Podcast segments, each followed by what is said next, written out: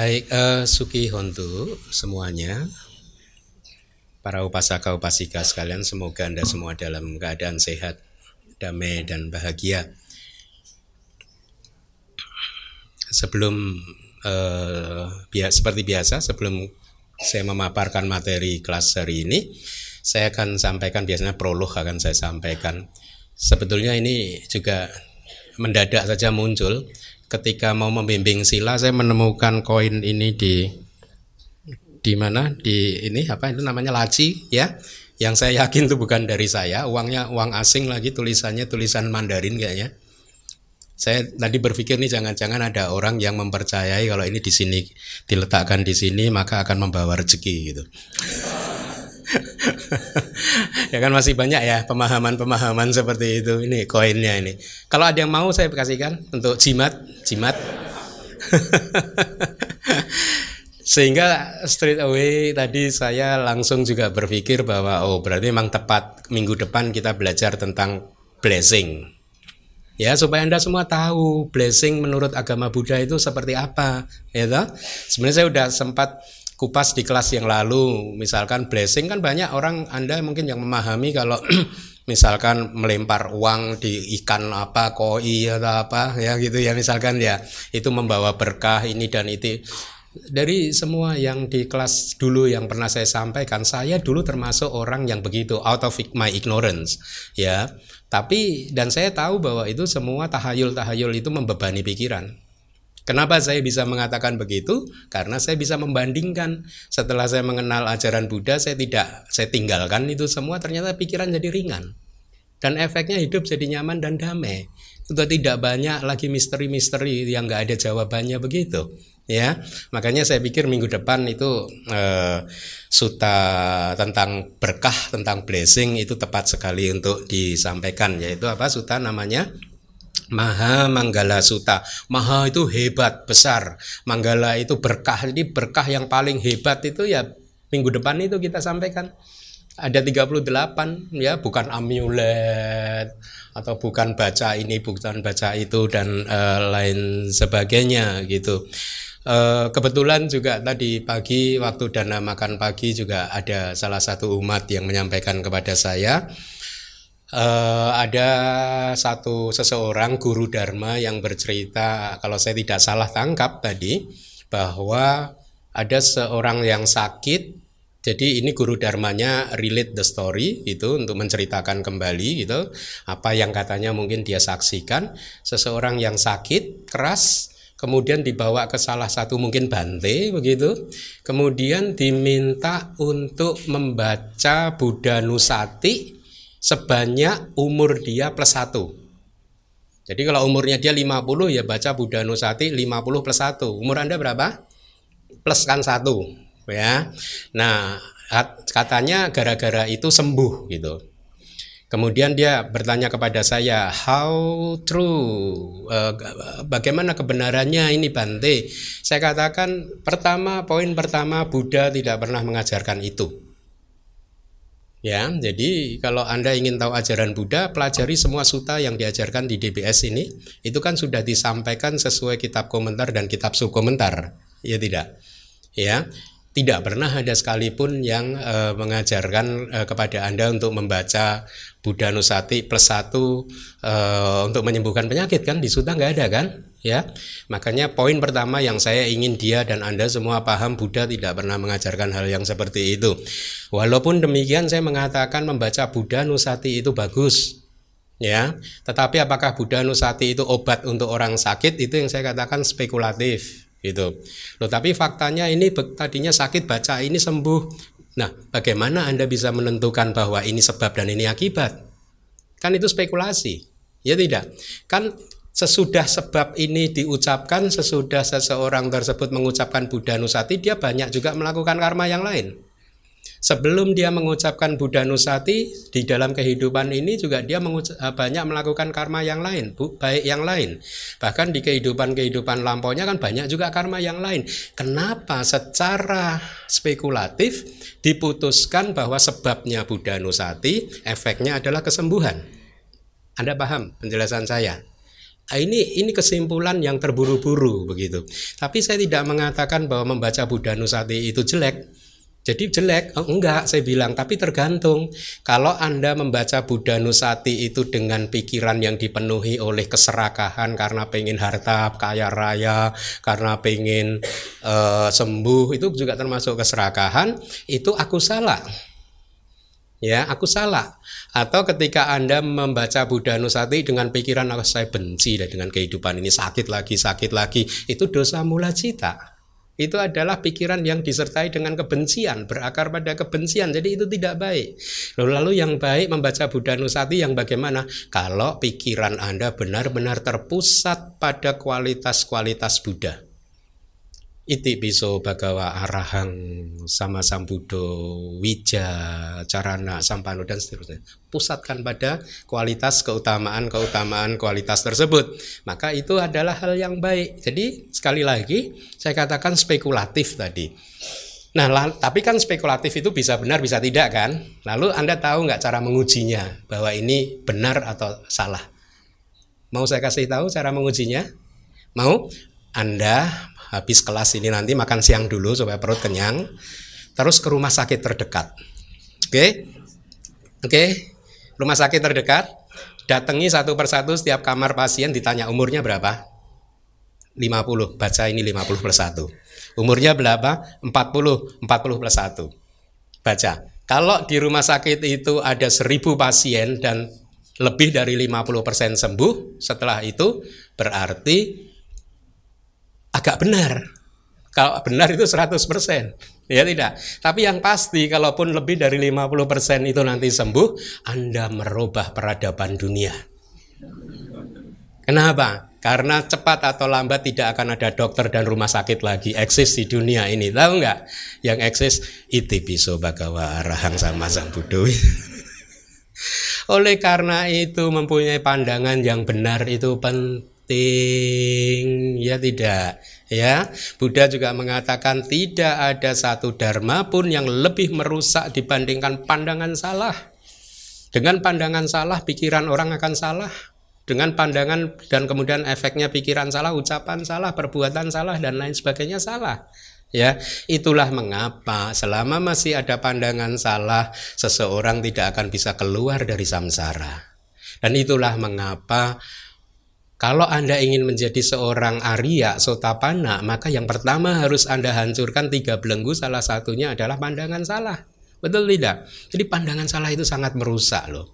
Ya, seseorang yang punya pandangan salah bisa percaya begitu loh. Buddha Nusati umur plus satu. Eh, ya nanti Anda tiru nggak apa-apa, tapi pikiran Anda harus benar dulu. Bahwa saya melakukan itu karena saya menghormati kualitas-kualitas Bu Buddha. Uh, jadi itu benar begitu ya. Uh, itu yang pertama. Makanya minggu depan itu sutanya harusnya bagus sekali ya untuk mengokohkan pandangan benar Anda dan membuang pandangan-pandangan salah Anda ya. Dan itu saya yakin uh, akan banyak melenyapkan beban-beban pikiran di Anda begitu. Nah, uh, itu poin yang pertama yang ingin saya sampaikan ya. Yang kedua adalah uh, ya seperti yang kita semua tahu di dunia sekarang sedang katanya tersebar wabah. Tapi ingat jangan memfitnah ular juga. Ya, jangan memfitnah ular itu tidak sama dengan nekat loh. Artinya nekat tuh gimana? Ada ular berbisa deket-deket aja. Ah, kalau karma baik saya banyak masa kegigit itu enggak itu mah cari mati. Berani mati dan cari mati berbeda. Ya kita kita harus berani mati tapi tidak cari mati. Beda beda ya. Berani mati itu ya berani hidup di hutan sendirian. Ya kayak saya hidup di hutan juga tetap lirik kanan kiri kok Waduh, ada ular nggak ya? Dulu kalau masih di ruangan terbuka itu saya suka bawa garam itu kepercayaan kuno yang entah benar entah tidak. Saya bawa garam kemudian di tempat duduk saya sekeliling saya itu saya taburi garam yang cukup tebal. Ya itu entah benar atau tidak karena leluhur-leluhur mengajarkan seperti itu kan. Mungkin benar mungkin tidak ya. Nah, tapi kembali lagi sekarang lagi ada wabah ya corona kita tidak untuk memfitnah ular kalau Anda yang tidak tahu apa itu memfitnah ular, Anda dengarkan e, ceramah saya dengan judul yang sama yaitu jangan memfitnah ular. Itu adalah ceramah yang saya desain khusus untuk mengatasi rasa cemas, takut dan khawatir. Ya, seseorang itu cemas, takut dan khawatir atau apa pun itu ketakutan, ketidakbahagiaan itu muncul karena keliru memahami fenomena. Ya, ya itu saya kupas panjang lebar di khotbah tersebut Anda bisa dengarkan di channel YouTube-nya DBS. Nah, tetapi walaupun kita tidak sedang memfitnah ular, kita juga sendiri harus hati-hati. Oke, okay, ya. Hati-hati. Saya dengar dari beberapa sumber yang saya anggap kompeten, katanya corona tidak uh, saya tidak sedang untuk sebar uh, apa berita-berita yang tidak benar ya, tapi saya bertanya kepada seseorang yang uh, menurut saya kompeten itu sebenarnya prosentase kesembuhannya tinggi dan lebih lebih berbahaya malah penyakit-penyakit yang lain. Katanya begitu ya. E, kemudian tapi walaupun demikian juga saya dengar e, yang memakai masker itu bukan untuk proteksi dari yang sehat sebenarnya. Masker itu malah kalau yang anda merasa kok sakit ya kemudian flu, pilek, demam tinggi, sesak nafas atau sakit apa pun, Anda perlu pakai masker. Satu itu. Kedua, Anda yang sehat juga harus lihat sekeliling Anda. Ya, perhatikan sekeliling Anda. Kalau ada yang dengan gejala-gejala yang mengkhawatirkan, maka Anda juga harus e, menjaga diri, ya. Berani mati dan takut mati apa tadi? Cari mati dan berani mati itu beda. ya. E, itu yang bisa saya sampaikan. Baik, jadi kita kembali lagi ke hari Minggu ini. Sekali lagi, hari Minggu ini adalah hari yang bahagia harusnya karena kita semua bisa beribadah, ya.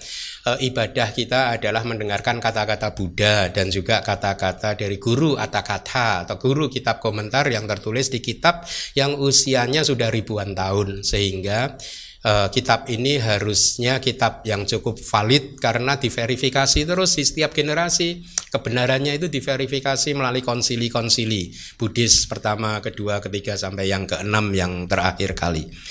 Ya, nah e, karena dengan mendengarkan kata-kata tersebut yang benar-benar ada tertulis di dalam kitab, maka Anda saya harapkan mendapatkan kebajikan yang sangat besar. Kenapa? Karena saya pernah menyampaikan bukan ibaratnya di alam semesta ini ada serat seribu judul buku ya. Di, di antara seribu judul buku itu ada tiga buku yang akan selalu Anda butuhkan di setiap kelahiran Anda selama Anda masih ingin menjadi muridnya Buddha yaitu judul bukunya apa? Winaya Pitaka, Suta Pitaka, dan Abhidhamma Pitaka.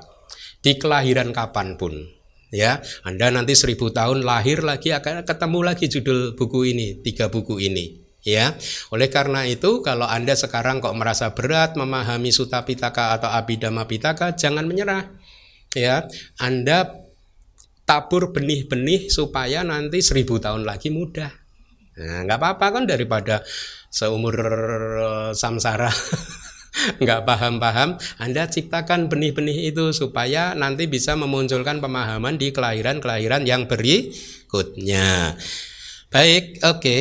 Jadi kelas hari ini saya rencanakan menjadi kelas terakhir untuk Suta Kasih Barat Wajah, ya, khotbah untuk Kasih Barat Wajah. Uh, saya rasa kita tidak perlu untuk uh, membaca sutanya lagi ya supaya kita bisa uh, hemat waktu ya. Kita langsung saja dengan kata-kata ya dari kitab komentarnya. Kebetulan saya juga akan memulai sesuai dengan eh, pertanyaan salah satu umat minggu lalu yang bertanya kenapa Buddha tidak uh, apa makan makanan yang didapatkan dari atau setelah syair dilantunkan begitu ya. Nah, uh, eh, jadi penjelasan dari komentar dari sutanya atau kasih barat wajah sutanya suta tersebut menjelaskan begini kemudian Begawan berkata demikian makanan yang didapat setelah syair dilantunkan ya Di sini didapat setelah syair dilantunkan adalah makanan yang didapatkan melalui syair-syair yang telah dilantunkan. Yang dimaksud adalah makanan yang didapatkan dengan mengucapkan syair. Ya, itu hanya dari kitab komentarnya saja. Oleh karena itu sekali lagi, pengetahuan tentang Tripitaka, kitab komentar, subkomentar yang komprehensif itu mutlak untuk guru dharma ya. Karena kalau tidak kadang kitab komentar itu memberi penjelasan singkat sekali begini yang masih juga membuat kita tidak begitu memahami maknanya itu bagaimana ya. Tapi kalau anda ada seorang guru dharma yang kemampuannya sudah lengkap, Anda bisa mencari rujukan di semua Tripitaka kitab komentar dan kitab subkomentar. Ada banyak rujukan tetapi yang saya ambil adalah dari Milinda Panya. Pertanyaan-pertanyaan dari Raja Milinda ya. Yang kalau tidak salah DBS akan menerbitkan bukunya ya. Tapi ini saya ambilkan langsung dari palinya ya. Jadi nanti kalau Anda udah terima bukunya, Anda bisa baca buku tersebut di pertanyaan yang bab keempat materi poin 5 kemudian ininya 9 gitu 4 titik 5 titik 9 saya bacakan dulu syair atau uh, sutanya dari apa uh, kasih barat wajah suta Makanan yang didapat setelah syair dilantunkan adalah makanan yang tidak layak untuk dimakan olehku, kata Buddha. Begitu. Untuk seseorang yang melihat, wahai Brahmana, artinya untuk seseorang yang sudah melihat realitas hakiki, orang untuk seseorang yang sudah menjadi seorang yang tercerahkan, sudah melihat nama, rupa, dan kehidupan ini secara objektif, makan seperti makanan yang seperti itu bukanlah hal yang baik para Buddha, tidak hanya Buddha Gotama, para Buddha menolak makanan yang didapat dengan cara syair yang dilantunkan. Terdapat hal yang seperti itu, wahai Brahmana, itulah praktek mereka, artinya praktek para Buddha sesungguhnya. Ya, karena itu adalah praktek para Buddha, lalu turunannya juga nanti praktek untuk kami juga. Karena kami adalah murid Buddha kan, dan di Winaya juga itu diatur sama begitu. Nah, jadi dari milindapannya itu dari uh, yang pertanyaan yang di bab keempat saya uh, ringkaskan begini.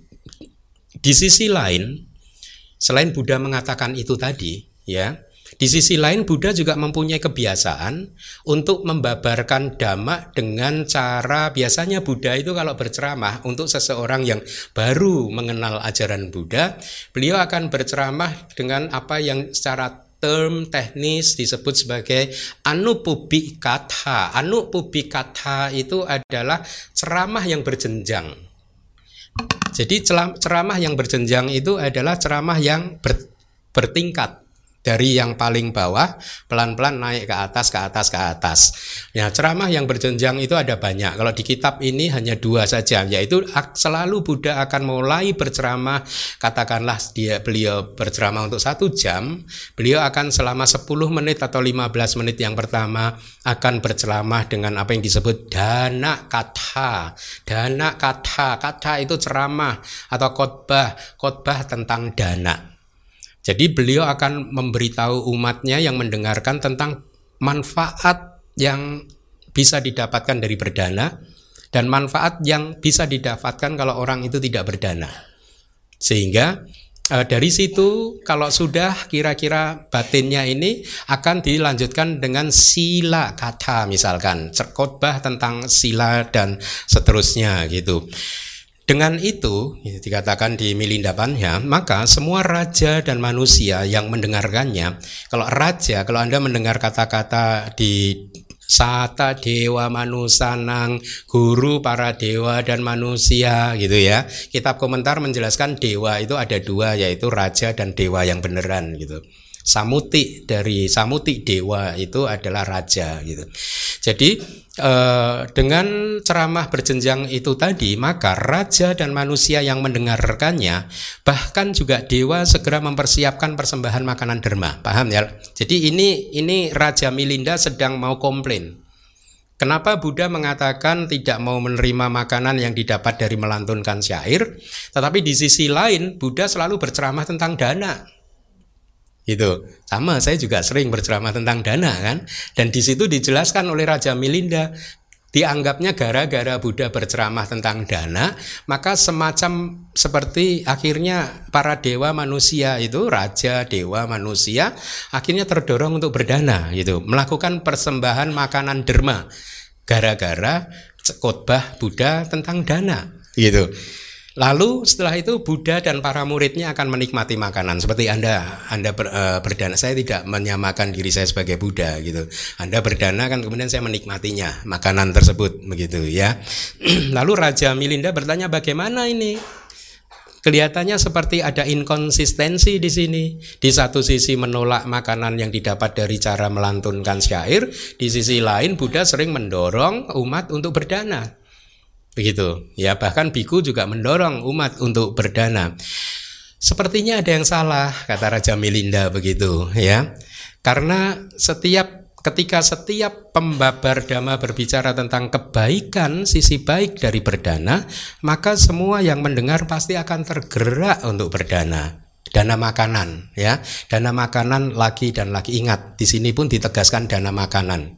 Artinya umat itu hanya berdana kepada biku itu empat satu pacaya itu loh. Tidak di luar itu. Ya, satu pacaya ya. Hal-hal yang baik. Nanti saya akan relate uh, hubungannya begini ya. Jadi umat siapa pun yang mendengar akan dana makanan lagi dan lagi gitu ya seperti Anda setiap pagi dan siang berdana kepada saya. Nah, Raja Milinda kemudian berkata bahwa siapa pun yang makan makanan yang dipersembahkan tersebut, maka mereka benar-benar makan makanan yang didapat setelah syair dilantunkan. Jadi logikanya sama. Itu ya, paham ya? Sama aja ini Buddha juga berceramah habis itu kan didapat dana. Itu ya. Jadi Raja Milinda memakai logika uh, itu sebagai satu hal yang sama. Kemudian raja minta penjelasan ke Bante Nagasena Ya, Bante Nagasena membenarkan bahwa Buddha memang mengatakan makanan yang didapat setelah syair dilantunkan adalah tidak layak seperti yang tadi disampaikan di, di milindapannya juga dibenarkan. Buddha juga dibenarkan memiliki kebiasaan untuk membabarkan dhamma dengan ceramah berjenjang yang dimulai dengan dana kata, sila kata dan seterusnya. Akan tetapi ya memang begitulah itu budaya atau kebiasaan yang dilakukan oleh Tathagata, kata Bante e, Naga Sena gitu. E, pertama kebiasaannya adalah akan disampaikan tentang dana kemudian e, untuk membuat batin para pendengarnya senang terlebih dahulu. Karena ini teknik mengajar beliau.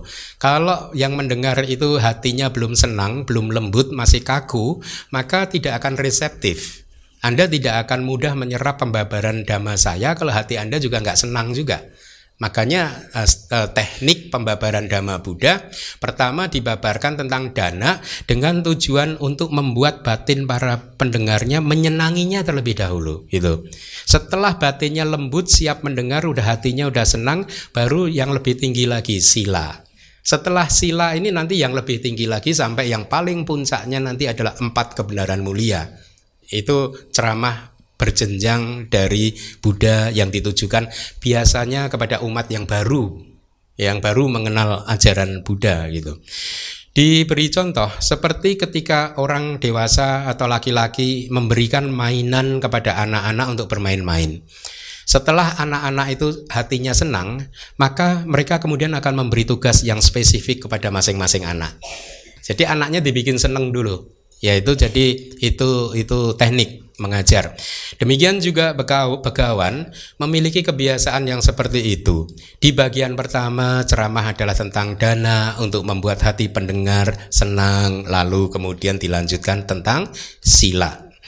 Atau kitabnya juga berkat, e, menyebutkan lagi seperti seorang dokter yang pertama-tama akan meminta para pasiennya untuk minum minyak eh, apa ini sesemi sesemi itu enggak sih sesemi wijen ya ya minyak itu bahasa palingnya tela itu minyak wijen ya. Selama empat atau lima hari gitu. Tujuannya adalah katanya kalau zaman dahulu itu adalah untuk menguatkan dan melembutkan tubuh mereka. Dan setelah itu baru diobati dengan obat urus-urus obat pencahar begitu kira-kira ya. Untuk membersihkan isi tubuhnya begitu. Jadi pertama dengan minum minyak wijen itu tadi gitu. Setelah selama 45 hari gitu.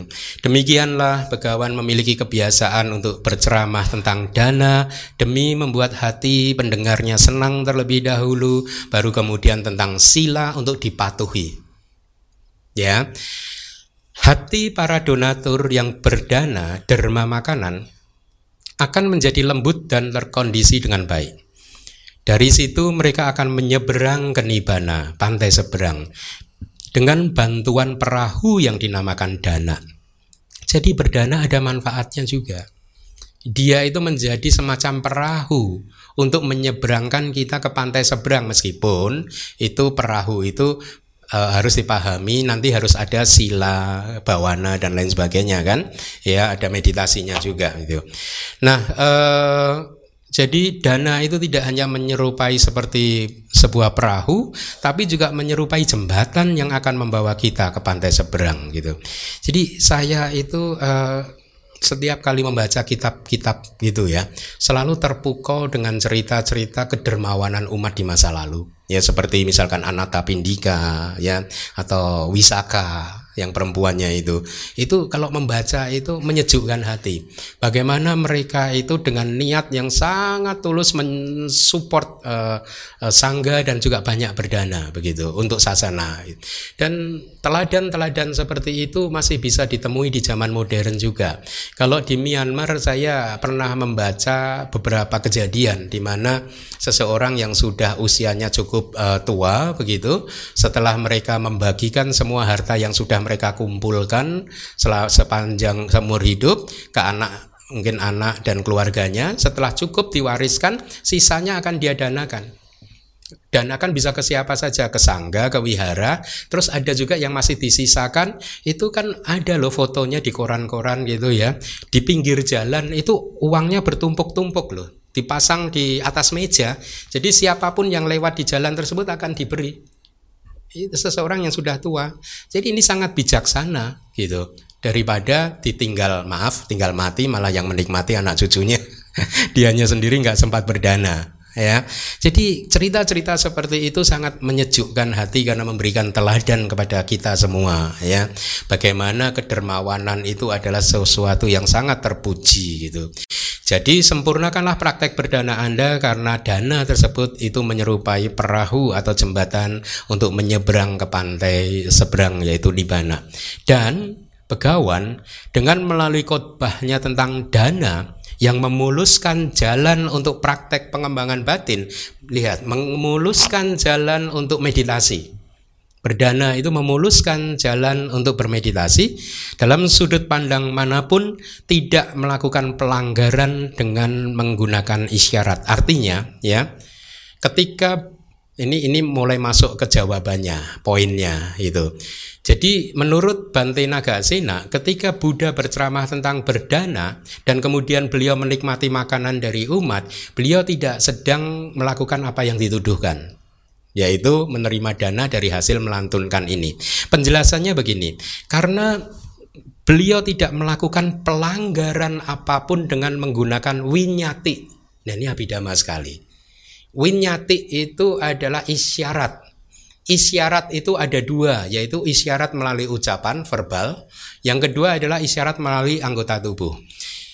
Uh, isyarat itu artinya adalah uh, winyati atau isyarat itu adalah uh, cara penyampaian isi hati apa yang ada di pikiran saya sehingga orang lain bisa memahaminya. Nah, cara penyampaian isi hati itu ada dua menurut Abhidhamma, yaitu isyarat melalui lisan dengan berkata-kata secara langsung misalkan eh, wahai upasaka yang bernama A kemari dong saya tangan saya diam kemari dong jadi saya menyampaikan isyarat, menyampaikan isi hati saya sehingga Anda paham bahwa saya memanggil Anda.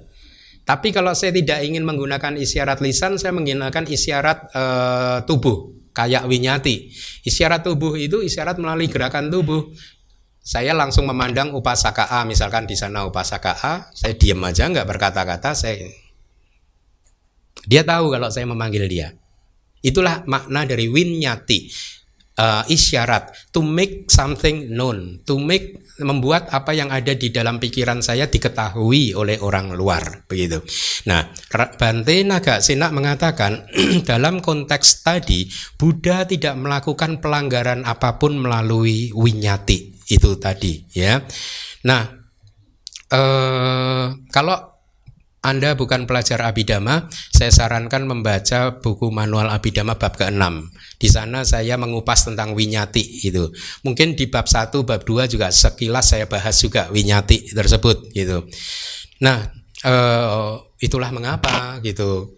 Kalau Abidama itu nggak penting, saya sering mengatakan kan, kenapa Buddha yang Arya Sariputa mengajarkannya, kenapa para Seado juga mengajarkannya faktanya mereka mengajarkan ya karena abidama itu penting gitu ya. Nah, kemudian Raja Milinda langsung bertanya, "Wahai Bante, yang Anda katakan sebagai isyarat itu apa?" gitu. Sepertinya beliau nggak paham, nggak belajar abidama ini. Ya, karena ini murid-murid abidama saya udah pasti nggak bertanya itu, dia bisa langsung relate dan membayangkan, oh begitu ya. Nah, tapi walaupun demikian nih saya sampaikan, dua jenis isyarat atau ikuti saya winyati. Yang pertama adalah kaya winyati. Isyarat tubuh. Ada dua macam juga kayak winyati itu. Uh, ada dua macam. Satu adalah sawaja, ada yang salah dan tercela. Jadi gerakan isyarat tubuh yang salah dan tercela. Kedua adalah yang tanpa kesalahan atau tidak tercela, ya. Kemudian isyarat yang kedua adalah waci winyati. Isyarat lisan. Ya. Uh, ada dua juga sawaja yang salah dan tercela, ada juga yang anawaja, tidak salah dan tidak tercela. Nah, winyati ini ya karakteristiknya, cirinya atau bahasa Indonesianya, laksananya itu itu adalah ciri perubahan yang menjadi kondisi untuk ini tadi adalah kayak winyati kan.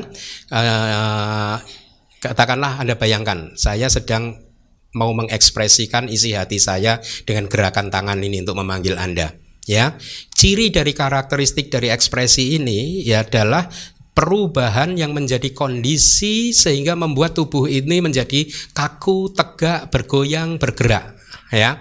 Ya, yang lahir bersama yaitu ini sebenarnya melalui perubahan elemen angin. Nah, yang menarik adalah elemen angin ini lahir dari pikiran. Ya. Jadi eh, sebab kemunculannya adalah kesadaran cita sebenarnya. Tapi bahasa sehari-harinya pikiran.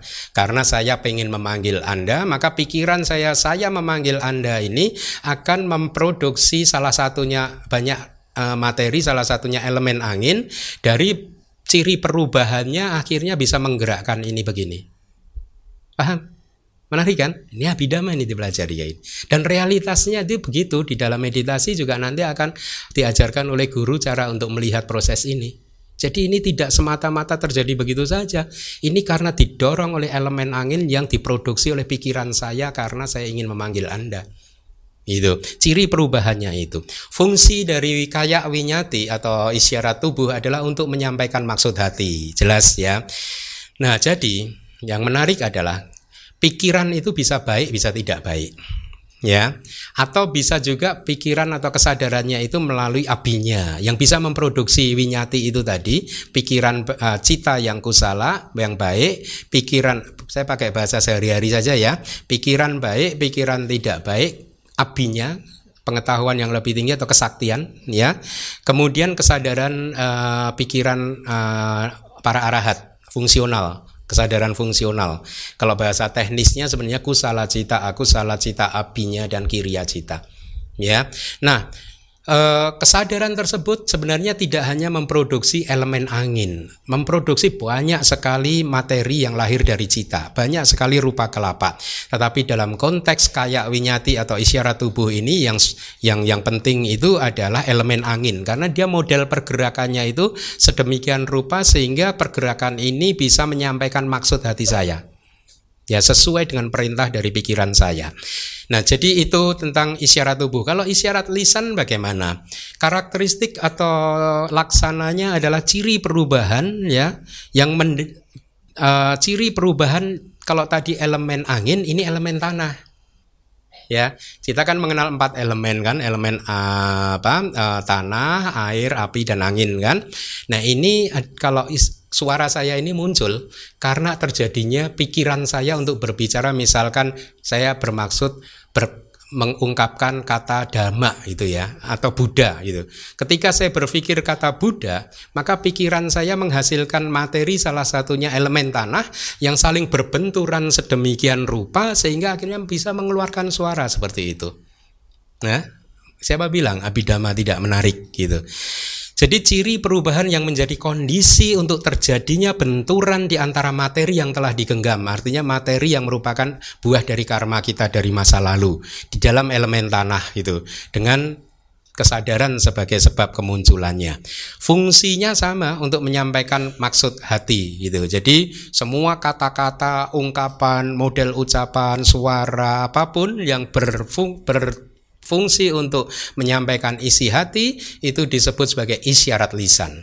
Ya, nah uh, itu adalah uh, isyarat lisan. Jadi untuk mereka yang membuat keadaan dirinya sendiri diketahui melalui ucapan, baik itu yang melakukan binatang juga bisa. Binatang juga mempunyai kaya winyati, waci winyati gitu ya misalkan anda punya piaraan gitu kalau oh itu siapa tahu dia minta makan loh cuman anda aja yang nggak pernah belajar bahasa dia gitu anda langsung ketakutan oh dimintain makan kok ketakutan gitu ya nah tadi Bante Sena berkata Buddha menyampaikan dhamma seperti itu tadi, kemudian menerima makanan. Beliau tidak melakukan pelanggaran melalui winyati yang mana pun, melalui isyarat yang mana pun. Ya, Lalu di, di, di, di kitab tersebut diurai. Sekarang kita Bante Nagasena menyampaikan mana isyarat yang tercela.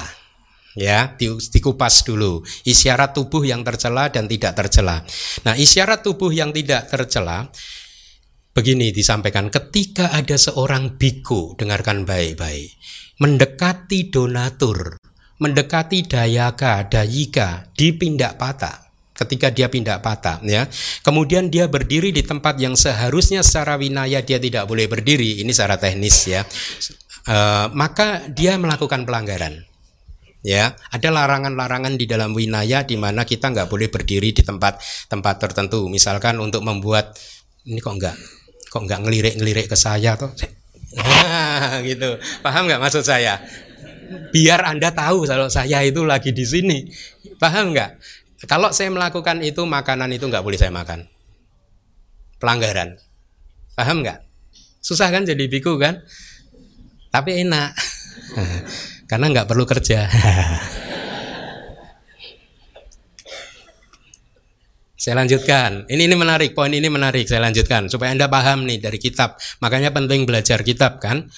Jadi, maka Ketika seorang biku seperti itu tadi, misalkan saya, Anda kok cuek aja, saya langsung mendangak-dangakkan, memanjangkan leher saya, itu ya, maka saya melakukan pelanggaran. Dan begawan tidak akan menggunakan sesuatu yang dihasilkan dari isyarat tubuh yang tercela seperti itu. Nggak akan.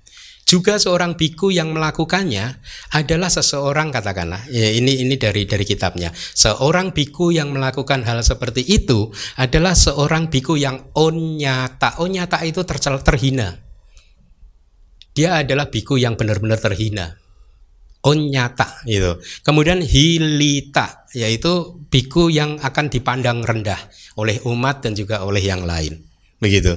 Kemudian dia adalah gerak hita, dia akan dicela itu. Kemudian pari buta, pari buta itu dicibir. Dia biku yang ya pantas untuk dicibir gitu. Dan sebagai seseorang yang dia adalah se, sebagai seseorang atau seorang biku yang melakukan penghidupan yang tidak benar. Tahan ya. Itu poin pertama. Ada beberapa poin soalnya. Ketika seorang biku yang seperti itu melakukan gerakan ekstra dengan memanjangkan leher tadi, ya, seperti seekor burung merak, morak, dengan harapan dengan begini mereka akan melihat saya. Jadi besok acara Waisak di Mall Taman Palem, kalau saya gini-gini berarti saya kasih kode ya. Tapi itu adalah biku yang tercela. ya. Jadi dengan begini semoga mereka akan melihat saya. Dengan perbuatan dia memanjangkan leher, maka Dayaka akan melihat dia. Dayaka itu the giver, si pemberi, donatur gitu ya.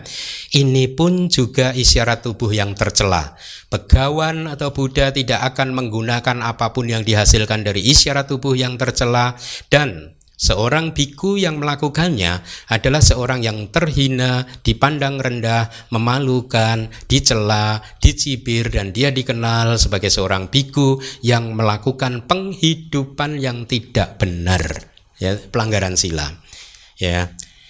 Atau seorang biku menggunakan tulang raga, tulang rahang, alis, jempol, ya, Ya, ini kasusnya terjadi dulu ya di Myanmar. Ada salah satu kakak kelas saya dari luar negeri lah, bukan biku Myanmar, dari biku luar negeri ya. Nah dia ini dicela karena belakangan baru dilaporkan ke sangga karena yang bersangkutan ini kalau berpindah patah selalu maunya masuk ke restoran. Oke. Nah, ketika masuk ke restoran dia nunting nunjuk-nunjuk Ah, menu ini, menu ini gitu. Udah jelas ini yang dimaksudkan ini tadi gitu. Atau menggunakan tulang rahang, alis, jempol ya uh, itu juga perbuatan yang salah. Itu adalah hina, perbuatan yang hina. Pegawan tidak akan menggunakan sesuatu yang didapat dengan cara seperti itu. Seorang biku yang melakukannya adalah seorang biku yang terhina, dipandang rendah, memalukan, dicela, dicibir dan dia adalah seorang yang melakukan penghidupan yang tidak benar. Itu adalah isyarat uh, tubuh yang salah. Lalu isyarat tubuh yang benar mana? Jadi ini supaya Anda dapat jawabannya. Kenapa Buddha mau menerima dana makan dan kenapa yang dengan uh, di, di suta ini Buddha tidak mau menerima uh, dana makan? Ya, dikasih barat wajah suta ini begitu ya. Kita sedang menjelaskan sekarang isyarat tubuh yang benar. Seorang biku yang sedang berpindah patah Ketika mendekati donatur, dayaka, dia akan mendekati dengan penuh perhatian, tenang, penuh pemahaman tentang apa yang boleh dan apa yang tidak boleh. Ketika harus pergi, dia akan pergi. Ketika harus berhenti, dia akan berhenti.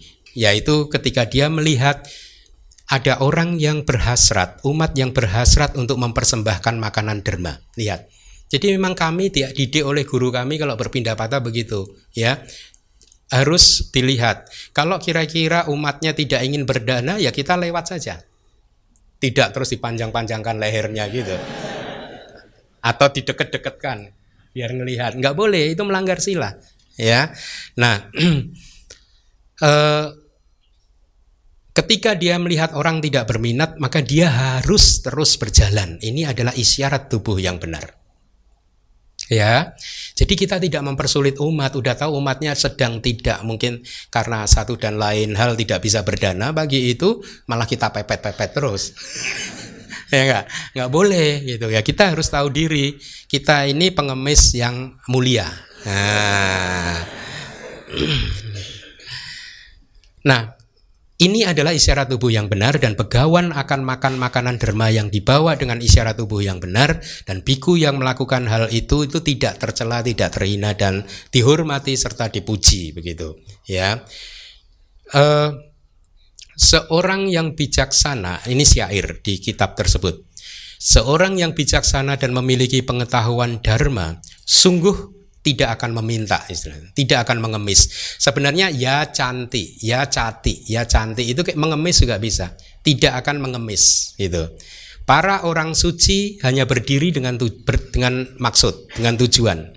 Berdiri yang seperti itu adalah saya tidak tahu, makanya saya ini nggak eksis di KBBI, Kamus Besar Bahasa Indonesia, pengemisan oleh orang suci, yaitu aktivitas mengemisnya orang suci. Ya, aktivitas mengemisnya orang biku, dia hanya berdiri uh, di tempat-tempat yang diizinkan dan tidak melakukan kode-kode apalagi meminta. Ya, nanti nanti akan akan lebih lebih detail lagi. Lalu kemudian sekarang isyarat lisan yang manakah yang tercela? Apabila seorang biku meminta dengan mengucapkan melalui kata-kata jubah dalam jumlah besar, minta makanan, minta kuti, minta obat tanpa pawarana dari umat, tanpa undangan dari umat. Pawarana itu undangan. Undangan itu seperti ini. Bante, kalau ada sesuatu yang Bante butuhkan, please inform me. Mohon informasikan ke saya, saya akan mencoba untuk memenuhinya. Itu Anda sudah memberikan undangan kepada saya. Ya, ketika saya butuh sesuatu, lalu saya meminta kepada Anda, saya tidak melanggar apa-apa. Tapi kalau saya Anda tidak menggunakan memberikan undangan itu tadi saya meminta apa pun saya melanggar. Meminta ini adalah meminta empat pacaya saja loh. Ya, hanya meminta makanan, jubah, obat, tempat tinggal. Hanya ini, di luar itu nggak boleh. Jadi Anda jangan khawatir lah, takutlah Bante mau memberikan undangan nanti Bante minta mobil Alphard lagi. Gitu. Eh udah pasti dia itu biku yang terhina. Dan seterusnya dan seterusnya. Tercela dan seterusnya. Tidak terpuji. Jadi lihat meminta seorang biku meminta empat pacaya saja mengucapkannya empat pacaya kalau umatnya tidak memberi undangan itu pun salah loh. Apalagi meminta yang di luar empat pacaya. Paham? Itu sudah salah. Ya karena biku tidak boleh kita ini ya hanya empat pacaya saja kebutuhan kita. Tidak yang lo kok Bante punya mobil? Enggak. Enggak punya saya ya. Enggak ada kepemilikan kepemilikan ya, enggak boleh memang enggak boleh. Itu ya. Jadi dengarkan baik-baik upasaka upasika. Seorang biku menggunakan isyarat untuk meminta empat pacaya saja kalau tidak ada undangan itu salah. Apalagi meminta yang bukan empat pacaya meminta yang bukan empat pacaya meskipun ada undangan salah. Paham? Misalkan nih, tolong dong, saya butuh uang. Ah, udah jelas uang nggak boleh, ya nggak? Atau saya butuh sepeda motor, ya nggak? Kan biku hanya, biku itu hanya empat ini, ingat-ingat. Makanan apa? Coba, obat-obatan, di luar itu salah. Paham? Paham ya? Oke. Nah, jadi itulah yang di disampaikan di kitab. Maka biku yang melakukan uh, seperti itu adalah biku yang tercela. Seorang biku yang mengatakan begini, saya memerlukan ini dan itu, dan efeknya umat memberikannya tanpa pawarana, itu juga salah. Paham? Enggak, bikunya. Jadi kalau Anda tidak memberikan undangan kepada saya, Pak Warna, ya, dan saya minta ini dan itu kepada Anda sudah pasti saya salah. Ya. Karena Anda tidak mengundang kok gitu, ya. Nah, atau seorang biku yang memilih makanan malah. Ya, kecuali Anda mengundangnya. Ya, makanan ini, makanan itu harus ditermakan. Eh, tolong dong besok pagi eh, dana ke DBS eh, apa? Uh, apa sih biasanya makanan lo tuh lihat itu bukti saya nggak pernah minta Padahal saya tiap pagi, tiap siang makan dari dana Anda kan, sampai namanya aja saya nggak tahu loh. Saya kadang deg-degan juga sih menyampaikan ini sih. Takutnya saya pernah melanggar sila gitu juga gitu. Tapi seingat saya saya nggak pernah sih. Anda boleh ini kalau ini sampaikan ke saya. Kayaknya saya nggak pernah minta-minta deh. Kecuali ada undangan. Dayaka saya pun kalau menginikan ke sesuatu itu sering kali saya hanya minta obat. Ya, ya memang ya hanya begitu, begitu ya. Bahwa saya punya laptop, punya ini kan dana dari umat. Ya kan nggak boleh dulu zaman Buddha kan Buddha juga nggak pakai laptop. ya ini zaman modern anak-anak gitu ya gitu yang dibutuhkan kalau nggak ada laptop nggak ada buku saya nggak bisa mengetik buku loh ya. Tapi ini juga bukan milik saya. Nah, bukan milik saya. Nanti kalau saya udah nggak ini ya saya tinggalkan. Begitu. Ya bukan saya tidak mempunyai kepemilikan. Nah jadi seorang biku yang memilih makanan makanan yang seperti ini dan itu hendaknya didermakan didanakan itu pun juga salah. Jadi begini ada cerita di kitab tersebut. Yang Arya Sariputa sedang sakit di malam hari dan ditanya oleh yang Arya Mogalana malam hari ingat obat apa yang bagus buat yang Arya? Itu kemudian yang Arya Sariputa menjawab bubur dan kemudian yang Arya Mogalana membawakan bubur ya. Ketika menerima bubur yang Arya Sariputa kemudian berpikir berkata di dalam hati, obat ini telah dibawa sebagai hasil dari isyarat lisan saya. Saya tidak mau melanggar peraturan winaya tentang penghidupan benar. Beliau kemudian menolak bubur tersebut dan tidak menggunakannya karena tidak mau melanggar winaya. Kenapa? Anda tahu poinnya? Karena yang mengajukan undangan biku juga. Bantenya dapat bubur dari mana ini? Hmm? Ya tidak. Ya, jadi berbeda, bukan dari umat. Gitu. Ini dari Bante juga. Jadi akhirnya yang Arya Sariputa setelah yang Arya Mogalana tidak ada di ada pergi, kemudian dia tidak jadi makan makanan itu karena beliau ingat ini pelanggaran begitu. Saya sebenarnya juga nanti kembali kembali lagi deg-degan juga menyampaikan ini. Mudah-mudahan saya nggak melakukannya ya. Lalu bagaimana yang benar kemudian? Ketika memerlukan, maka seorang biku akan meminta obat dari sanak saudara, boleh. Satu, ya. Pari wa, pari uh, pawari tesu kulesu dari keluarga yang mengelilinginya ya. Dari sanak saudara dan di keluarga yang mengelilinginya atau keluarga dekat. Atau dia boleh meminta empat pacaya itu tadi pada umat yang sudah memberikan undangan untuk menjadi supporternya biku. Ya sudah mengeluarkan pewarana Bante saya akan menjadi pendukungnya Bante. Apa pun yang Bante butuhkan please info info ke saya. Kalau saya melakukan itu saya tidak melanggar winaya. Tapi ingat empat pacaya saja ya. Nah ini adalah isyarat lisan yang benar dan terpuji begitu jadi kita sambung, makanan yang tidak layak untuk dimakan olehku itu bukan makanan yang layak untuk dimakan oleh begawan atau Buddha. Bagi seseorang atau untuk seseorang yang melihat, artinya adalah untuk seseorang yang melihat kesucian dalam hal nafkah penghidupan dengan benar, atau seseorang yang melihat semuanya.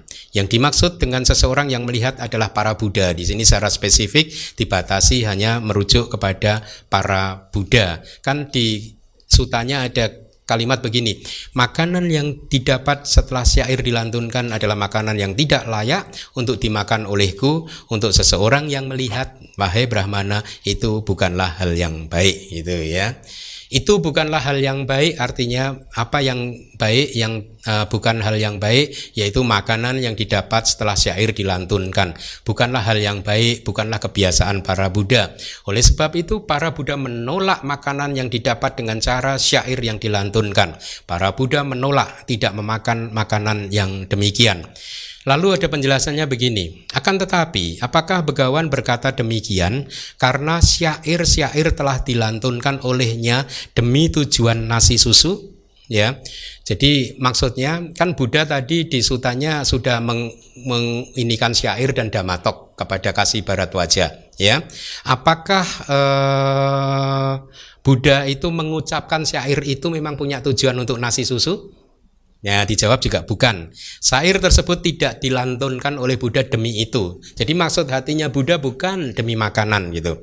Akan tetapi sesungguhnya sejak pagi Begawan telah berdiri di dekat ladang tanpa memperoleh bahkan makanan derma satu sendok pun. Ingat nggak sutanya? Kan sejak pagi nggak dilihat kan? Kemudian kan Buddha sengaja berdiri di tempat yang lebih tinggi kan? Ya, jadi Buddha bukan untuk meminta nasi loh itu, karena dia akan membabarkan dharma tujuannya. Maksud hatinya beliau begitu. Jadi berbeda dengan uraian di awal tadi yang memanjangkan leher, menggerakkan alis dan lain sebagainya. Itu berbeda ya. Nah, jadi kita ikuti sekarang uh, prosesnya. Sejak pagi Buddha berdiri dan be, uh, kasih barat wajah diam saja, tidak bereaksi sampai akhirnya begawan menuju ke tempat yang lebih tinggi supaya dia bisa melihat. Tujuannya apa? Bukan untuk mendapatkan nasi, tetapi untuk mengajarkan dhamma. Lagi pula, apa pun yang diperoleh setelah memperlihatkan keseluruhan kualitas Buddha adalah mirip dengan apa ini kitab, Deng, adalah mirip dengan apa yang diperoleh oleh para aktor, para penari dan lain-lain setelah mereka acting, menari dan menyanyi. Paham maksudnya? Ya. Jadi, kalau saya berceramah seperti ini karena saya ingin mendapatkan bayaran dari Anda, maka apa bedanya saya dengan aktor, penyanyi dan lain sebagainya yang mempertontonkan keahliannya demi mendapatkan bayaran juga? Paham sekarang? Ini ini mulai masuk ke poinnya. Jadi itulah yang dimaksud definisinya dengan makanan yang didapat setelah syair dilantunkan. Jadi artinya kalau ada sangga melakukan sesuatu dengan tujuan untuk minta satu pacaya, itu pun salah. Apalagi dia bertujuan untuk minta yang bukan satu pacaya. Semoga dengan baca parita dapat angpo yang besar. Nah, itu udah jelas melanggar. Ya. Karena dia udah punya tujuan sejak awal, ya. Diberi saja kita harus menolak apalagi meminta. Paham? Ya, diberi saja kita harus menolaknya. Apalagi kalau meminta, makin salah lagi. Itu. Nah, jadi itu poinnya. Itu uh, bukanlah kesesuaian dengan prinsip kesederhanaan. Ya, oleh karena itulah hal yang seperti itu disampaikan karena belas kasih untuk generasi-generasi berikutnya. Hal ini harus disampaikan ke semua orang bahwa ini tidak benar, ini melanggar sila demi belas kasih. Ya demi belas kasih kepada mereka supaya yang tadinya suka melanggar sila jadi ingat oh ternyata salah ya kemudian dia memperbaiki dirinya begitu ya. Dan ketika orang-orang menolak keuntungan yang telah muncul karena kualitas personal mereka yang telah dipublikasikan oleh orang lain. Seperti halnya Gatik Kara si pembuat barang tembikar. Lalu bagaimana mungkin? Jadi Gatik Kara saja setelah mempertontonkan keahliannya seorang umat mempertontonkan keahliannya membuat pot dia menolak imbalan?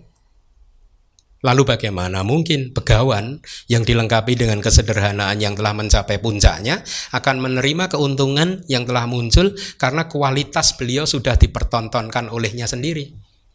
Itu. Itulah mengapa beliau menolak. Paham ya? Uh, e, menolak pemberian dari kasih barat wajah. Sejauh ini, Begawan telah memperlihatkan kemurnian pembabaran dhamma yang membebaskan dirinya sendiri dari celaan di dunia melalui ucapan seperti ini. Brahmana yang tidak percaya pada Buddha tadinya dan tidak berniat untuk memberikan makanan, tapi setelah dinyanyikan syair-syair oleh Begawan, akhirnya Brahmananya mau memberi. Paham? Jadi pertanyaan itu sudah mulai terjawab ya. Pertapa Gotama menerima makanan, tapi pembabaran damanya memiliki alasan bukan untuk itu. Itu ya. Nah, selanjutnya, sekarang ketika memperlihatkan kesucian dalam hal nafkah penghidupan beliau berkata, penghidupan, beliau berkata, terdapat hal yang seperti itu wahai Brahmana, itulah praktek mereka, praktek para Buddha. Inilah artinya terdapat itu artinya itu prinsip kebiasaan para uh, Buddha. Itu prinsip tentang kesucian dalam hal nafkah penghidupan. Kami itu harus murni penghidupan kami. Tidak boleh kami makan dari hasil melanggar sila, menikmati apa pun dari hasil melanggar sila. Itu yang dimaksud kesucian akhlak, kesucian moralitas, kesucian sila, khususnya penghidupan yang benar gitu. Ya. Nah, itulah praktek yang harusnya eksis dan tidak rusak dan sangat bersih yaitu nafkah penghidupan para Buddha wahai Brahmana. Ketika hal tersebut dikatakan Brahmana uh, berduka cita awalnya. Dia berpikir aduh beliau atau dia menolak nasi susu saya gitu. Makanan ini dikatakan sebagai tidak pantas. Sungguh saya tidak beruntung. Saya tidak memperoleh kesempatan untuk memberikan dana kepada Buddha. Dan dia kemudian berpikir, mungkin dia mau menerima bingkisan yang lain. Setelah mengetahui pikiran dia, Begawan kemudian mempertimbangkan begini. Aku telah datang kemari ya uh, setelah menentukan waktu untuk membabarkan me, untuk pengembaraan pengumpulan derma ya. Dengan waktu yang ada aku akan meyakinkan brahmana ini. Jadi dia akan mencoba untuk meyakinkan brahmana. Uh, sekarang seandainya karena duka cita ini dia menjadi marah terhadapku maka dia tidak akan mampu untuk menembus dhamma tanpa kematian yang mulia. Paham nggak? Itu out of compassion lagi. Jadi Buddha tidak ingin membuat hati Brahmana itu memunculkan domanasa, duka cita atau uh, kemarahan, kejengkelan, ya. Jadi kalau karena kalau itu muncul, rasa jengkel itu muncul, maka dia tidak akan reseptif untuk menerima dharma dari Buddha. Dia nggak akan jadi Arya nanti, gitu. Selanjutnya, setelah berpikir nasi susu ini telah dipersembahkan kepada begawan, saya tidak boleh kemudian memberikannya kepada siapa pun atas kemauan sendiri. Ini benar. Kalau Anda sudah mempersembahkan kepada sangga selama sangga belum melepaskan kepemilikannya Anda tidak boleh untuk memakainya. Itu ya. Brahmana kemudian berkata, kemudian wahai Tuan Gotama, apakah saya harus memberikan nasi bubur ini kepada seseorang? Jadi dia meminta izin. Karena ini sudah bukan milik dia lagi. Karena sudah dipersembahkan, jadi dianggap sama dia sudah menjadi miliknya Buddha. Begitu ya. Lalu Begawan mengetahui demikian. Setelah Tata Gata dan murid Tata Gata, bagi orang lain nasi susu ini adalah makanan yang sulit dicerna. Ya, jadi menurut uh, Brahmana tersebut ini yang pantas untuk makan hanya Buddha atau muridnya saja gitu. Dan kemudian uh, berkata, oh Begawan tadi yang mengetahui itu. Jadi Buddha tahu persis nasi susu ini tidak ada yang bisa makan selain dirinya sendiri dan para muridnya gitu ya. Maka kemudian dia berkata wahai brahmana aku tidak melihat seseorang gitu ya kira-kira gitu. Aku tidak melihat seseorang di dunia ini bersama dengan para dewanya mara dan brahma di generasi ini bersama dengan para pertapa dan brahmananya para manusia dan para dewanya yang bisa makan nasi susu dan mencernanya dengan baik selain tetagata atau murid tata gata gitu. Nah jadi Penjelasannya adalah di sini dengan mengatakan bersama dengan para dewanya maka termasuk para dewa di lima bumi lingkup indriawi yang terendah. Ya lima bumi saja berarti yang dewa yang teratas tidak termasuk tapi dia menyatakan bersama dengan Mara itu termasuk dewa di bumi lingkup indriawi yang keenam di alam yang teratas alam surga yang paling tinggi. Dengan mengatakan bersama dengan Brahma maka termasuk para, eh, termasuk para Brahma materi halus rupa Brahma itu akan tetapi para Brahma non materi atau arupa tidak termasuk dikarenakan ada kalimat mereka yang bisa makan. Nah paham nggak? Lengkap ya kitab komentar ya karena arupa Brahma tidak bisa makan. Dia pun tidak punya tubuh jasmani. Yang bisa makan adalah mereka yang punya mulut gitu. Arupa Brahma tidak punya mulut dan tidak punya tubuh jasmani apa pun. Dengan menyatakan uh, bersama dengan para pertapa dan brahmana maka termasuk para pertapa dan brahmana yang berlawanan dengan dan memusuhi sasana dan para pertapa menghilangkan kejahatan dan seterusnya dan seterusnya dengan menyatakan generasi ini maka termasuk dunia para makhluk dengan menyatakan para manusia dan dewanya maka termasuk para dewa konvensional raja dan juga e, manusia lain sisanya gitu. Selanjutnya, mengapa di antara para dewa dan lain-lain untuk siapa pun makanan tersebut tidak bisa dicerna dengan baik? Jawabannya adalah karena sari makanan yang lembut telah dimasukkan ke dalam makanan yang kasar. Lihat ya siapa yang memasukkan para dewa? Jadi penjelasannya begini. Oleh karena ketika nasi susu ini diambil dan hanya ditujukan kepada Buddha maka dikatakan setiap ada orang yang mempersembahkan makanan kepada Buddha maka oja sari makanan akan dimasukkan oleh para dewa ke makanan tersebut. Ya seperti halnya dengan nasi susu, susu yang dipersembahkan oleh Sujata Ya kalau Anda mengikuti cerita Sujata itu yang terakhir sebelum Buddha Parinibbana itu tidak ada juga siapa pun yang bisa memakannya begitu. Atau daging babi yang lembut yang dimasak oleh uh, Sujata itu waktu mau mencapai penerangan sempurna. Cunda yang saya maksud yang ketika mau Parinibbana itu daging babi yang lembut itu. Setiap kepal makanan yang diterima oleh begawan di Weranja, Sungai Weranja dan sisa gula di tempat gula kacana di Winaya Pitaka itu semua diceritakan juga dewa waktu itu memasukkan sari makanan oja ya. Oleh karena sari makanan yang lembut telah dimasukkan ke makanan yang kasar, maka bagi para dewa makanan tersebut tidak akan bisa dicerna. Kenapa? Karena para dewa memiliki tubuh yang lembut. Bagi mereka makanan manusia kasar, maka tidak bisa dicerna. Jadi bukan karena alasan mistis. Paham? Ketika makanan dipersembahkan oleh kepada Buddha, para dewa juga membantu untuk berdana. Memasukkan oja juga untuk sekalian berdana begitu ya. Nah, karena dia makanan lembut dan makanan kasar sudah bercampur, dewa pun akhirnya tidak bisa makan. Karena ini jadi kasar sudah makanannya, gitu ya. Nah, kemudian eh, sebaliknya bagi para manusia pun Makanan tersebut juga tidak bisa dicerna. Kenapa? Oleh karena manusia memiliki tubuh yang kasar. Bagi mereka, sari makanan surgawi itu tadi lembut. Itu sehingga manusia tidak akan bisa mencernanya. Jadi itu alasannya, nggak ada mistisnya. nggak ada tadi jimat-jimat apa tadi ya gitu. Itu ajaran Buddha itu logikanya bagus, ya toh, sangat bisa diterima oleh nalar. Gitu. Akan tetapi bagi Tathagata, makanan tersebut bisa dicerna dengan api yang alamiah, pakati agi bahasa palinya, api alamiah ya. Jadi mungkin ini adalah elemen api tapi yang diproduksi melalui kualitas kesadarannya seorang Buddha. Ya itu. Jadi kualitas kesadaran seorang Buddha kan sudah sedemikian sempurnanya kan. Maka beliau bisa mencernanya ya. Nah, beberapa orang berkata bahwa hal itu terjadi karena kekuatan tubuhnya dan kehebatan dari kekuatan pengetahuannya gitu. Itu guru-guru yang lain mengatakan seperti itu.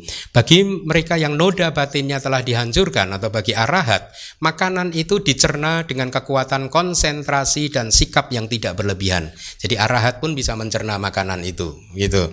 Bagi orang lain bahkan mereka yang memiliki kesaktian, makanan itu tidak bisa dicerna ya atau alasan itu di sini adalah tidak bisa dipahami karena ini adalah wilayah para Buddha. Nah ini saya paling suka ini ya guru atau kata mengatakan atau mungkin alasan ini ini wilayahnya Buddha ya, untuk menjelaskan ya bukan wilayahnya murid ya yang mengetahui persis adalah para Buddha.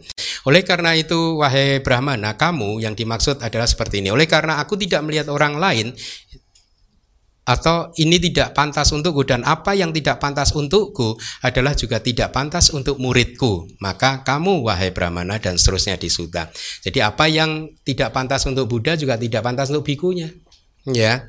Selanjutnya oleh karena itu wahai Brahmana kamu harus membuang nasi bubur ini ke tempat di mana ada sedikit tanaman dan seterusnya ya ada sedikit tanaman di tempat di mana ada sedikit rumput yang kuning kecoklatan atau di tempat di mana tidak ada tumbuhan hijau seperti di permukaan batu karang supaya tidak mematikan tumbuhan tersebut.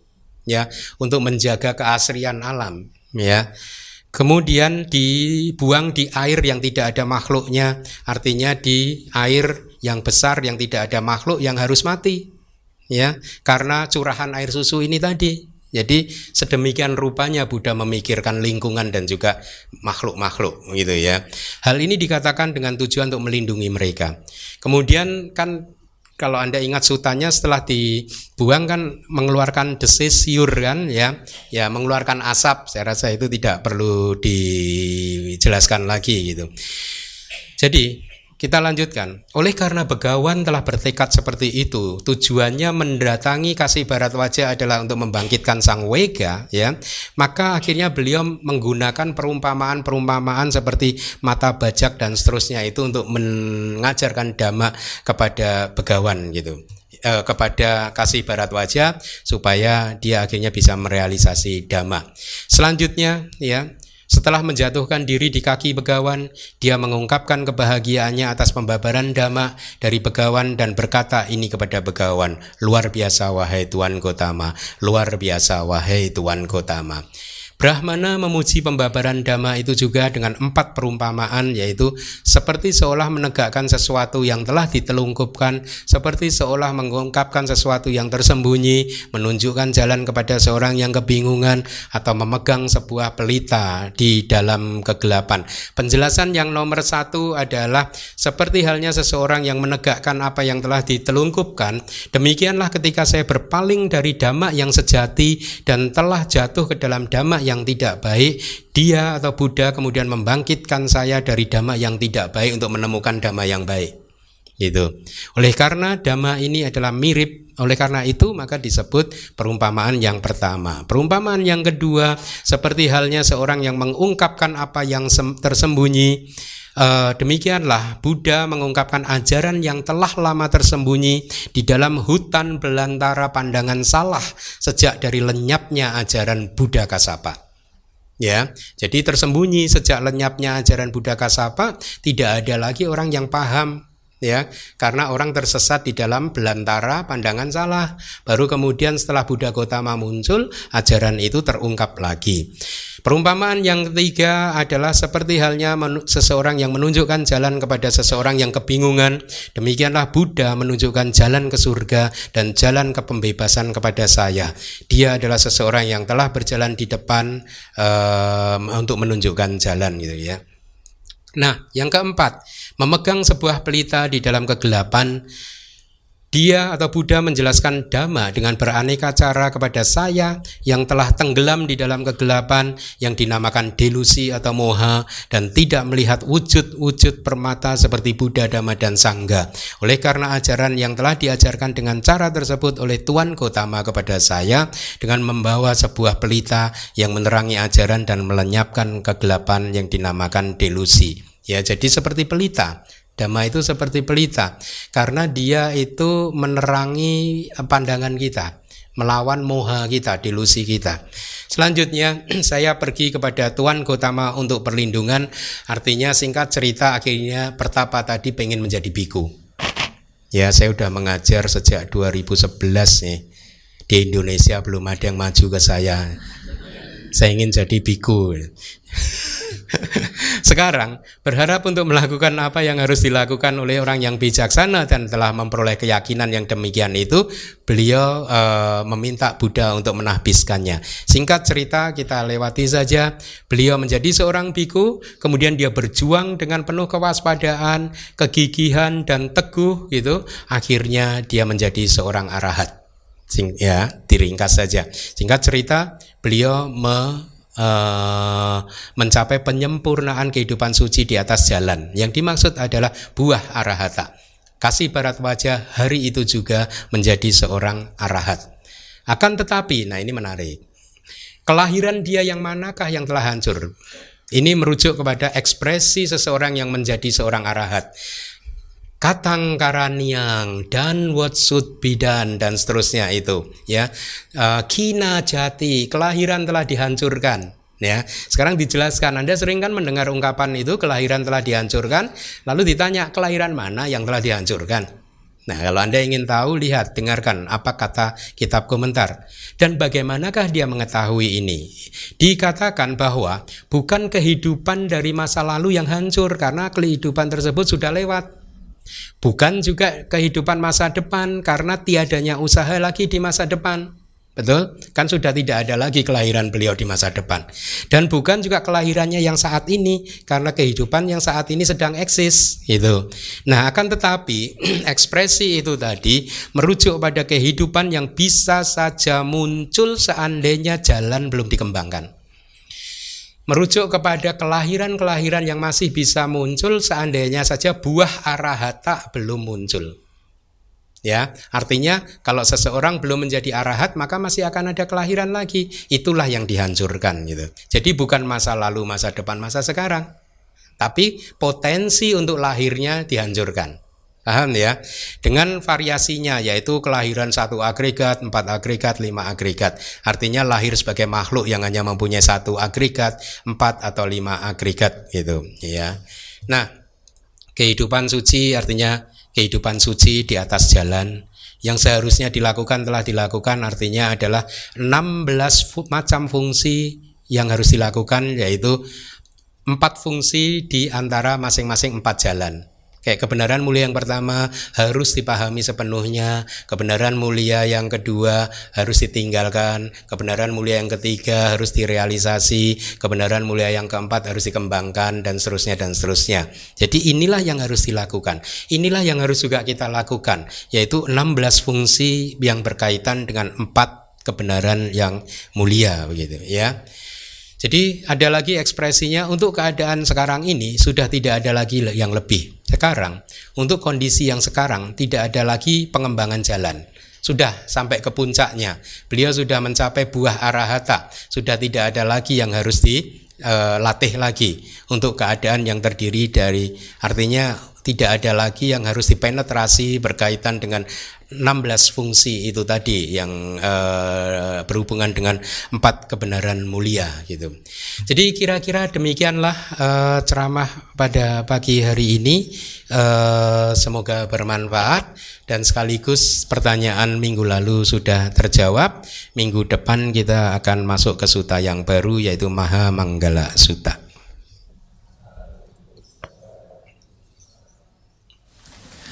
Uh, selamat siang Bante, saya mau nanya tentang soal transportasi ya Bante.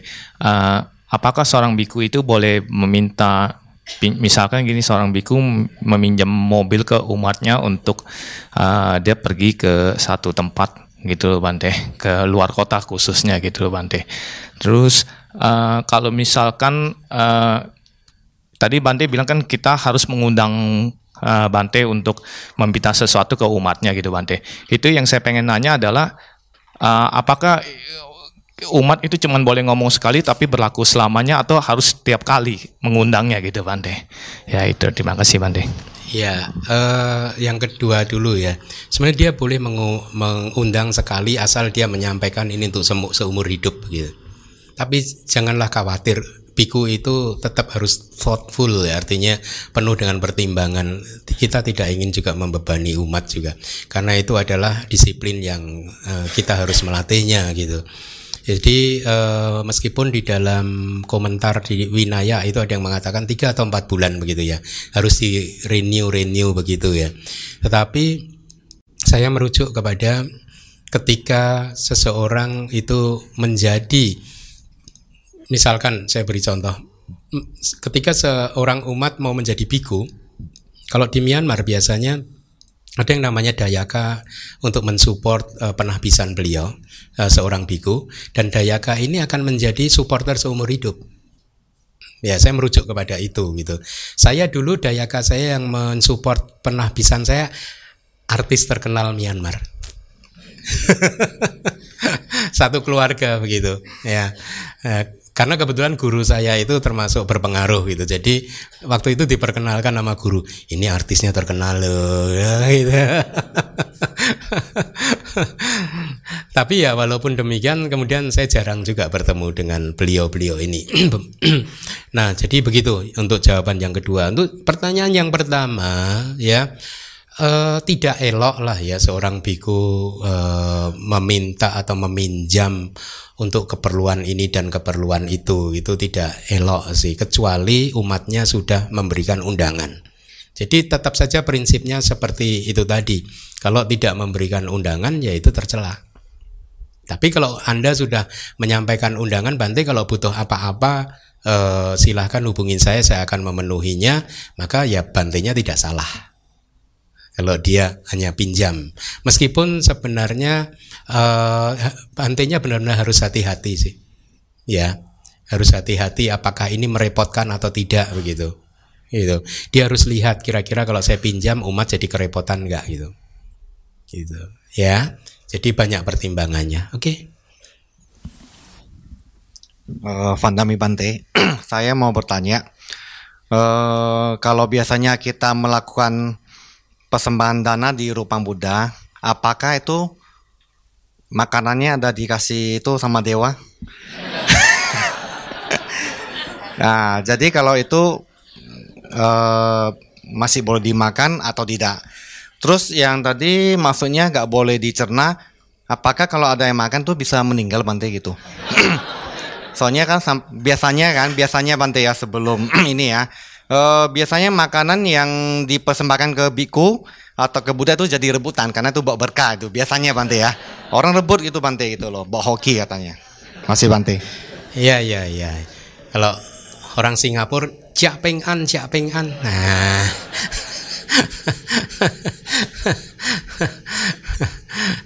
Iya, saya rasa kalau yang di Rupang mungkin tidak. Ya, di Buddha Rupang mungkin dewa tidak menginfus apa oja tadi sari makanan. Mungkin tidak itu uh, oleh karena itu biasanya makanan yang dipersembahkan ke Buddha Rupang kalau anda makan juga tidak akan menimbulkan masalah gitu ya. Jadi harusnya tidak dan mungkin dewanya juga uh, tahu bahwa uh, kalau karena cerita di kitab komentar selalu merujuk kepada Buddha ketika masih hidup sih, tidak ada referensi Buddha Rupang juga seperti itu sih. Jadi jangan takut nanti ada jambu di sini, jangan mm, ambil baik-baik dengan penuh sopan santun, ambil lapar, makan aja nggak apa-apa. Hmm, an. ya, nggak apa-apa harusnya. Nah, kemudian makanan yang dipersembahkan untuk para biku, iya sih, memang kepercayaan eh, orang-orang tertentu, khususnya waktu saya tinggal di Singapura, dan saya baru tahu karena kalau di Myanmar saya nggak pernah dengar yang begini. Waktu saya masih tinggal di Singapura itu, umat-umat akan selalu menunggu makanan biku karena penuh berkah itu tadi. Ya katanya ini penuh berkah gitu.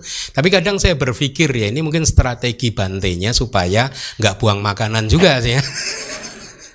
Karena makanan di biara banyak kan biasanya kan. Ya, jadi eh, begitu. Saya tahu budaya itu salah atau tidak. Saya rasa eh, nggak nggak ada jeleknya juga, nggak ada jeleknya juga. Ya, yang penting pandangannya jangan salah aja pak.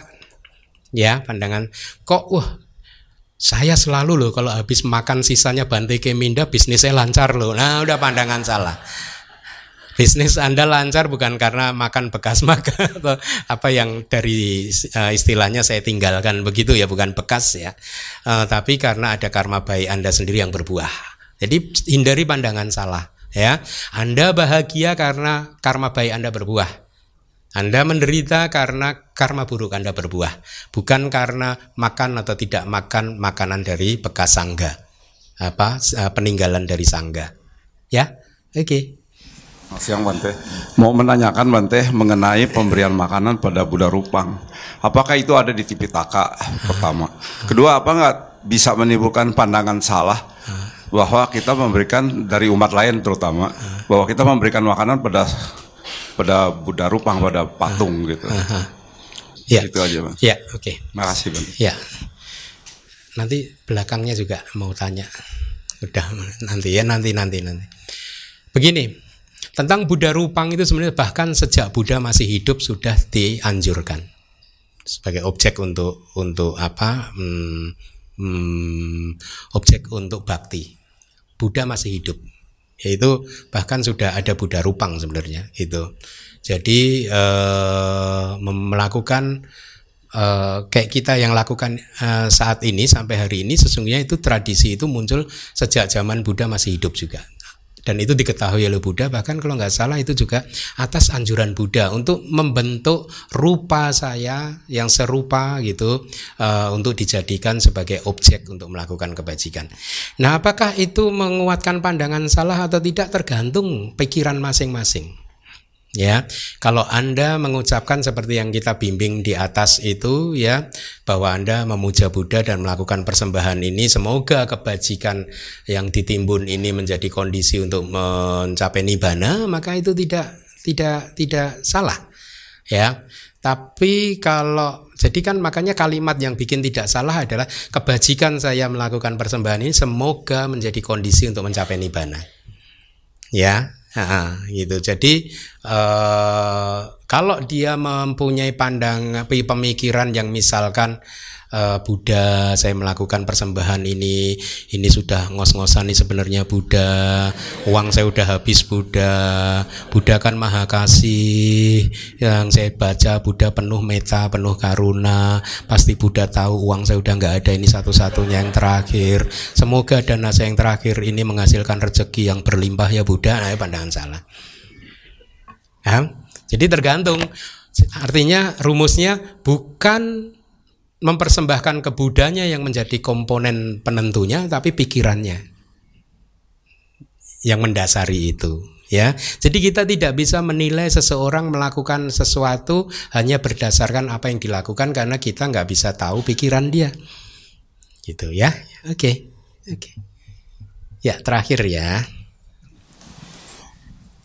Sukihonto Bante, hmm. uh, saya mau tanya tadi yang Sariputa, uh, yang Arya Sariputa sama yang Arya Mogalana itu kan kalau sakit uh, minta minta makanan gitu Bante. Terus saya mau tanya, sebenarnya pertanyaan saya nggak tahu sih. Uh, kalau zaman sekarang itu Bante, misalkan kalau Bante uh, misalkan sakit atau apa gitu, itu sebenarnya boleh makan kayak ada anjuran dokter harus tiga kali sehari makan atau minum obat gitu setelah itu kan tapi di atas jam 12 udah nggak boleh makan Bante itu gimana ya Bante? Iya makanya tadi sempat saya singgung uh, begini uh, cerita tadi yang Arya Sariputa dan yang Arya Mogalana itu kuncinya adalah yang memberi bubur adalah biku. Nah, bantenya itu dapat dari mana ini? Itu, ya toh. Tapi seandainya yang memberikan tawaran itu adalah Dayaka, Winaya sebenarnya membebaskan biku ketika seorang biku itu sakit, ya nggak apa-apa. Di dalam jam apa pun ya nggak apa-apa gitu. Ya, karena sakit itu dibebaskan dari peraturan itu. Ya, makanya kalau dia mau minum obat malam hari dan obat itu harus dimakan uh, diminum setelah makan, ya dia harus makan dan itu tidak melanggar winaya karena dia sakit. Nah, tapi ada aja orang yang kemudian mentriki, pikirannya triki, ditwist ininya dengan mengatakan nasi ini kan obat, obat lapar. Nah, jadi setiap malam itu akhirnya minum makan obat ya.